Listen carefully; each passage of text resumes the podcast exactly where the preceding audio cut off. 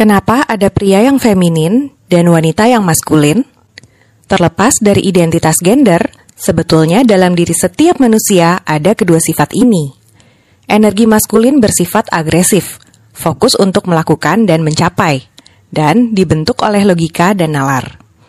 Energi feminin dibentuk oleh intuisi, bersifat pasif, berdasarkan apa adanya, berorientasi untuk menerima dan membiarkan. Kedua energi ini ada di dalam diri setiap manusia, dengan komposisi yang berbeda, sesuai dengan DNA, pengaruh lingkungan, dan pola pikir seseorang. Keduanya membentuk karakter manusiawi kita. Tetapi dengan menjaga keseimbangan di antara keduanya, kita bisa melampaui ego dan menemukan harmonisasi pada ranah batin kita. Tidak ada yang salah, semua hanya bagaimana kita mampu menjaga keseimbangan kedua energi itu di dalam diri kita.